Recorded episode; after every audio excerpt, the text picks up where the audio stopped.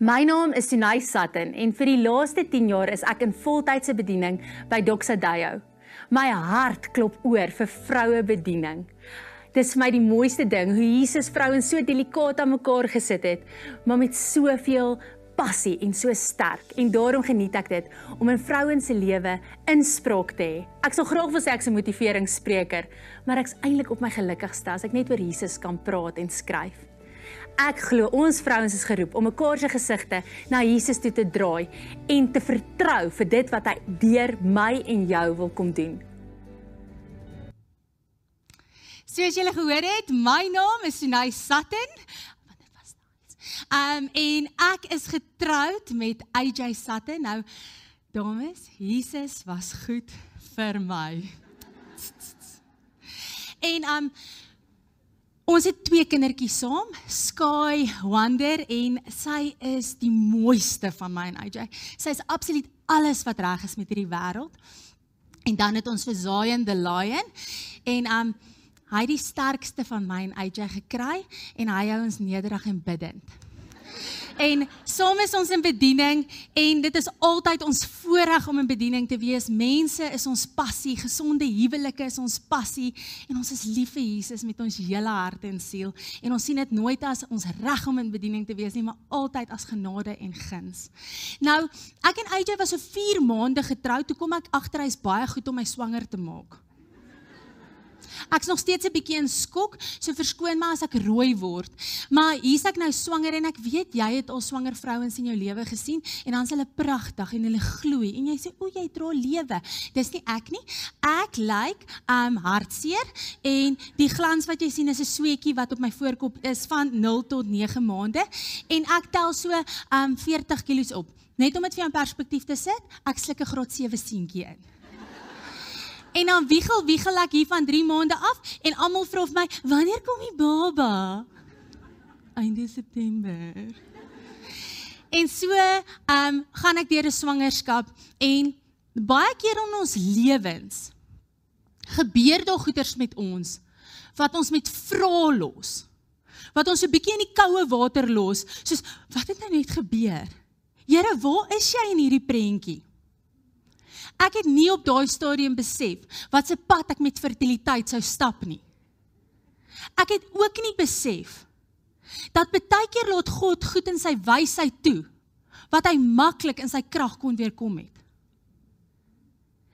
En die ding van my en jou stories is en dit is hoekom ek so lief is vir Jesus, is ons stories getuig van twee goed. Eerste getuig dit van 'n God wat 'n persoonlike verhouding met my en jou het. En met ons elkeen ons eie pad stap. My en jou pad lyk glad nie dieselfde nie. Maar dit getuig ook van 'n God wat stories gebruik om ons aan mekaar te heg, om ons as 'n een eenheid saam te funksioneer. Want ons elemente in my en jou stories wat maak dat ons mekaar kan verstaan, wat maak dat ons meer lief vir mekaar kan wees, wat maak dat ons meer deernis vir mekaar kan hê. Want sien, wanneer ek en jy eers seer beleef het, is ons nooit weer dieselfde nie. Maar sien, as ek en jy in Christus is en ons beleef seer, is ons 'n beter weergawe van onsself. As ons toelaat dat Jesus ons kom genees.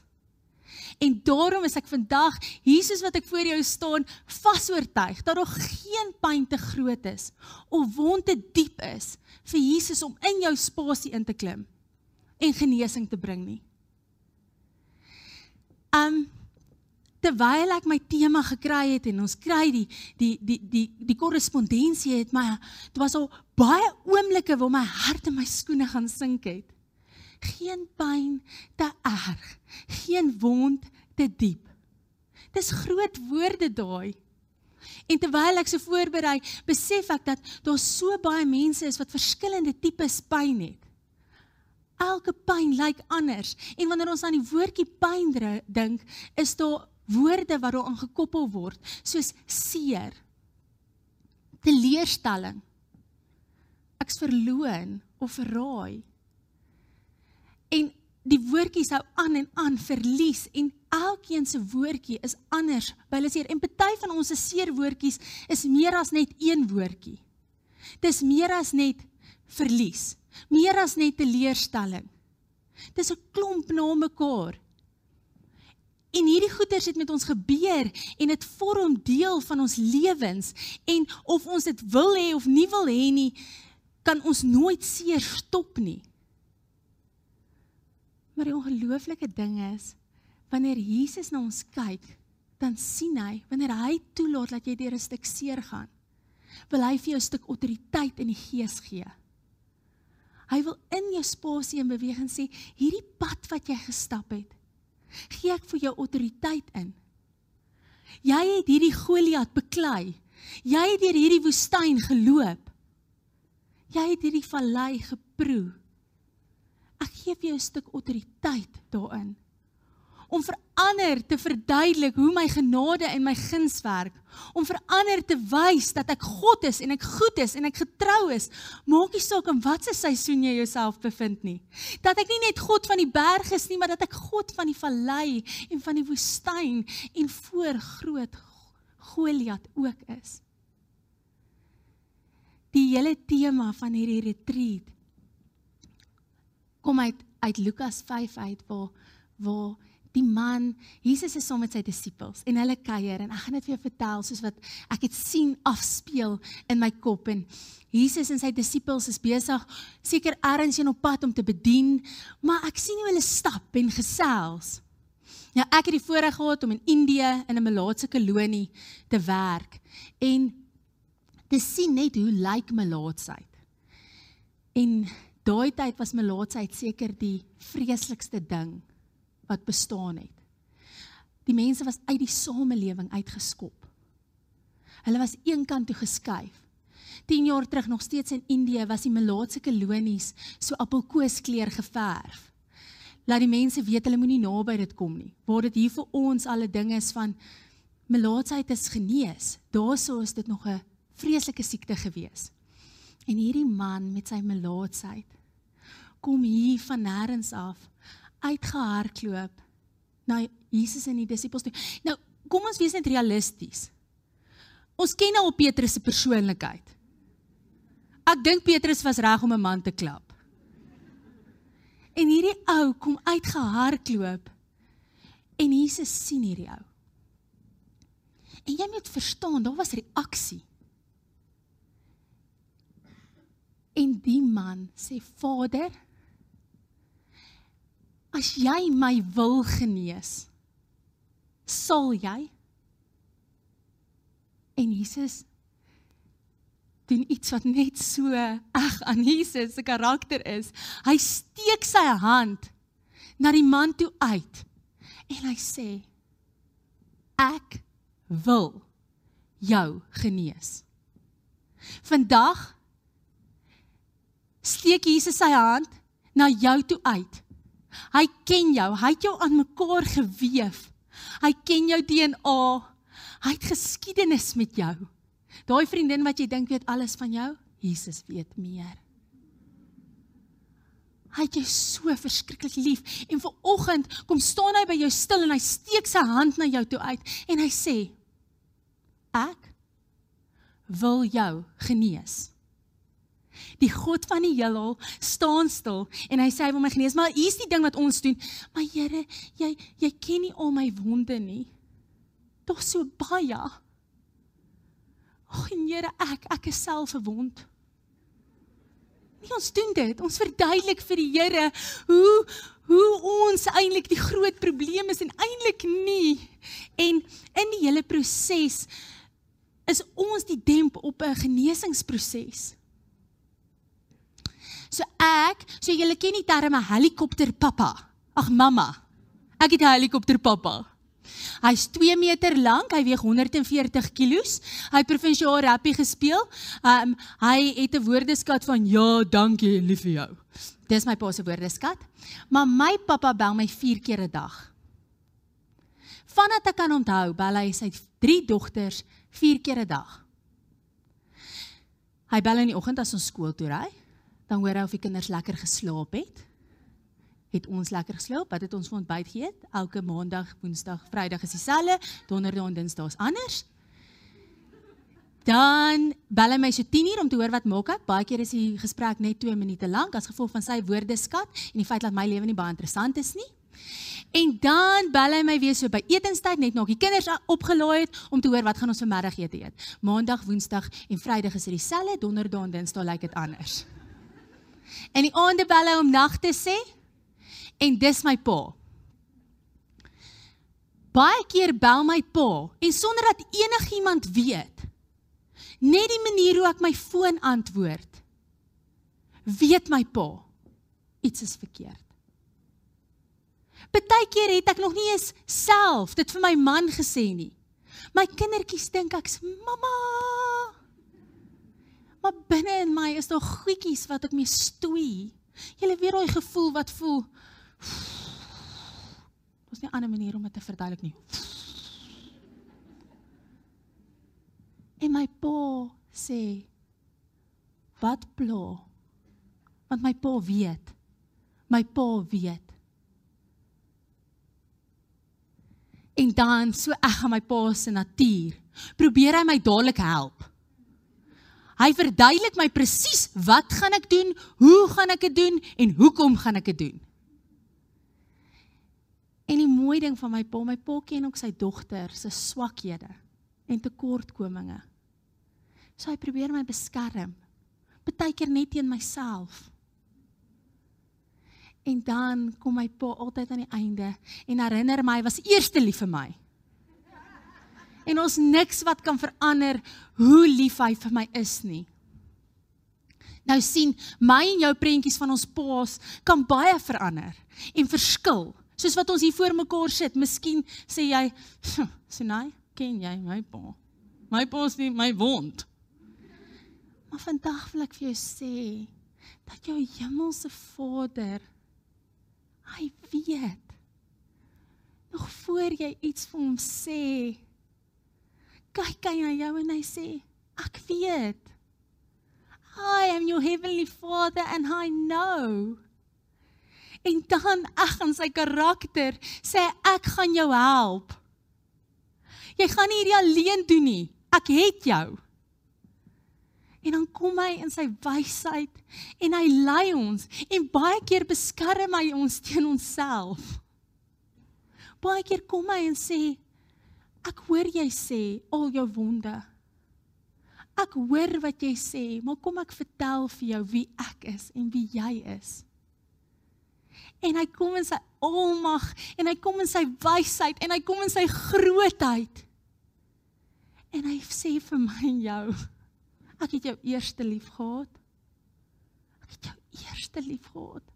Kan jy dink 'n God wat al al jou swak eienskappe ken? Ek weet julle het nie baie nie, maar ek het lyste. En hy ken al daai eienskappe en hy kyk na jou en hy sê, ek het jou eerste lief gehad en ek het jou die heel liefste. Dis hoekom ek wil hê jy moet gesond wees en heel wees sodat jy 'n lewe en 'n lewe in oorvloed kan lei dat jy kan uitgaan en 'n verskil in mense se lewens maak. Nie deur wie jy is nie, maar deur wie ek deur jou is. Want sien, wanneer ek en jy deur die vuur stap en ons kom uit en ons ryk nie soos rook nie, dan weet ons dis die Here se genade. Dan weet ons Jesus het met ons iets in die vuur kom doen. Dat sy planne is groter as my en jou prentjie. Sy drome is wyer en dit impakteer altyd om mense saam te vat. Jesus was die ultimate includer. Jy weet daai vriendin wat as sy nooi jou vir koffie en dan kom jy daar aan dan son drie vriendinne saam. Jy sê hoe het hierdie gebeur? Jesus was so. Hy het gesê kom vir koffie. Eh, kom vir koffie. Kom vir koffie. Hy het van mense gehou. Hy was hy het mense deel gemaak van die groter prentjie. En sien dis belangrik dat ek en jy verstaan dat terwyl Jesus presies weet het ek en jy verantwoordelikheid om ons harte voor hom oop te maak. Op watter manier ook al. Ek dink aan die vrou um wat aan bloed um lyding ge, gelei het, bloedlyding gelei het.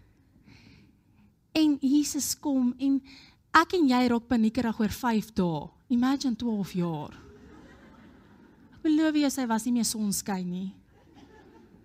Maar sy het een ding geweet want sy was desperaat en sy het geweet wie Jesus is en sy het geweet as hy net verby haar stap en sy raak aan sy kleed sal sy genees word. Vanoggend stap Jesus nie verby jou nie. Jesus staan stil by jou.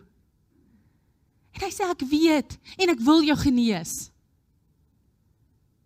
En wat ook al in jou hart vanoggend leef, wat ook al die wond of die pyn is, is klaar oop voor hom. sien die ongelooflike ding van Jesus is, hy ontmoet ons waar ons is. In sy almag kan ons nooit vir Jesus ontmoet waar hy is nie, want hy's alle wysheid, alle almag, alle grootheid, alles wat ek en jy, al daai al wat ons nie kan wees nie. Maar Jesus ontmoet ons presies waar ons is.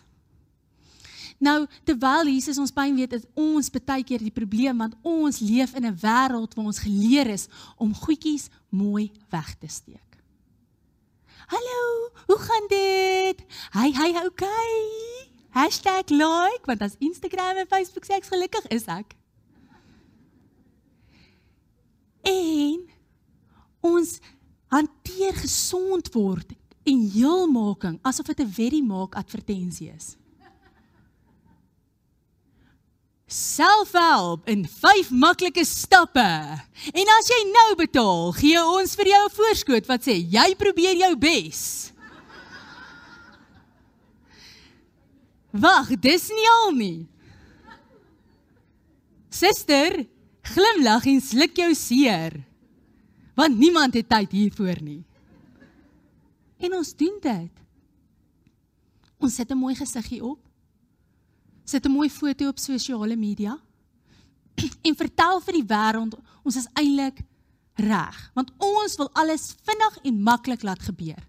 En so verwag ons dat die Here ook vinnig en maklik ons gesond moet maak. Maar sien die Here vat sy tyd. Hy vertel hoe hy ons aan mekaar gesit het en die moeder skoot en hoe hy ons so delikaat aan mekaar gewewe het. En so gaan hy tyd vat met my en jou seer. So gaan hy stil staan by my en jou seer. Een ding wat ek weet van God se karakter is dat niks is vir hom onmoontlik nie. Die woord sê dit en die Bybel is oor en oor bewysstukke van hoe niks vir hom onmoontlik is nie. En jy sê dalk vanoggend my pyn is te erg. My wond is te groot. En die God wat die Rooi See oopgemaak het, die God wat vir Lazarus uit die dood uit opwek, die God wat my en jou aan mekaar gesit het, die God wat sê jy is myne en jy op jou naam geroep het, die God wat sê ek weet wat ek vir jou beplan, voorspoed en nie teenspoed nie, die God wat sê ek sal alles ten goeie laat meewerk vir die wat ek liefhet. Sê vir oggend niks is vir my onmoontlik nie. Jou pyn is nie te erg nie en jou wond is nie te diep nie. Vir my om ver oggend in jou spasie in te klim en heeltemal jou nie te maak. Jou heeltemal te herstel sodat jy kan uitgaan en 'n verskil daar buite kan maak, sodat jy kan uitgaan en mense kan inspireer met Jesus se liefde, se trouheid en se goedheid, dat jy kan getuig van wat Jesus in jou gedoen het en deur jou gedoen het. En nie lyk like asof jy hartseer is daaroor nie. Ek wil afsluit met Moses se storie. Ons kan op twee maniere na Moses se storie luister. Ek kan hom vir jou so vertel. So Moses is die hoofkarakter van Eksodus tot Deuteronomium. Ek kan hom vir jou so vertel. Moses was 'n Jood, toe bly by die e- Egiptenare. Hy het nie eintlik ingepas nie. Gelukkig het hy nie verdrink in sy besie mandjie of 'n krokodil hom gevreet nie. Toe kry die prinses hom. Moses het bietjie anger issues gehad. Toe slat hy Egiptenaar dood. Verder is hy toe bang en hardloop weg. En gaan kruip weg in die woestyn. Ha, mooi Moses. Jesus praat met hom. Moses gaan terug na Egipte toe. Kry die Israeliete beweeg met die murmurerende Israeliete deur die woestyn en net voor hy die beloofde land ingaan, gaan Moses dood. En ons kry vir Job jammer. sien maar dis nie Moses se storie nie. Moses se storie lyk so. Moses was 'n Jood. En die Here posisioneer hom van geboorte af vir sy glorie.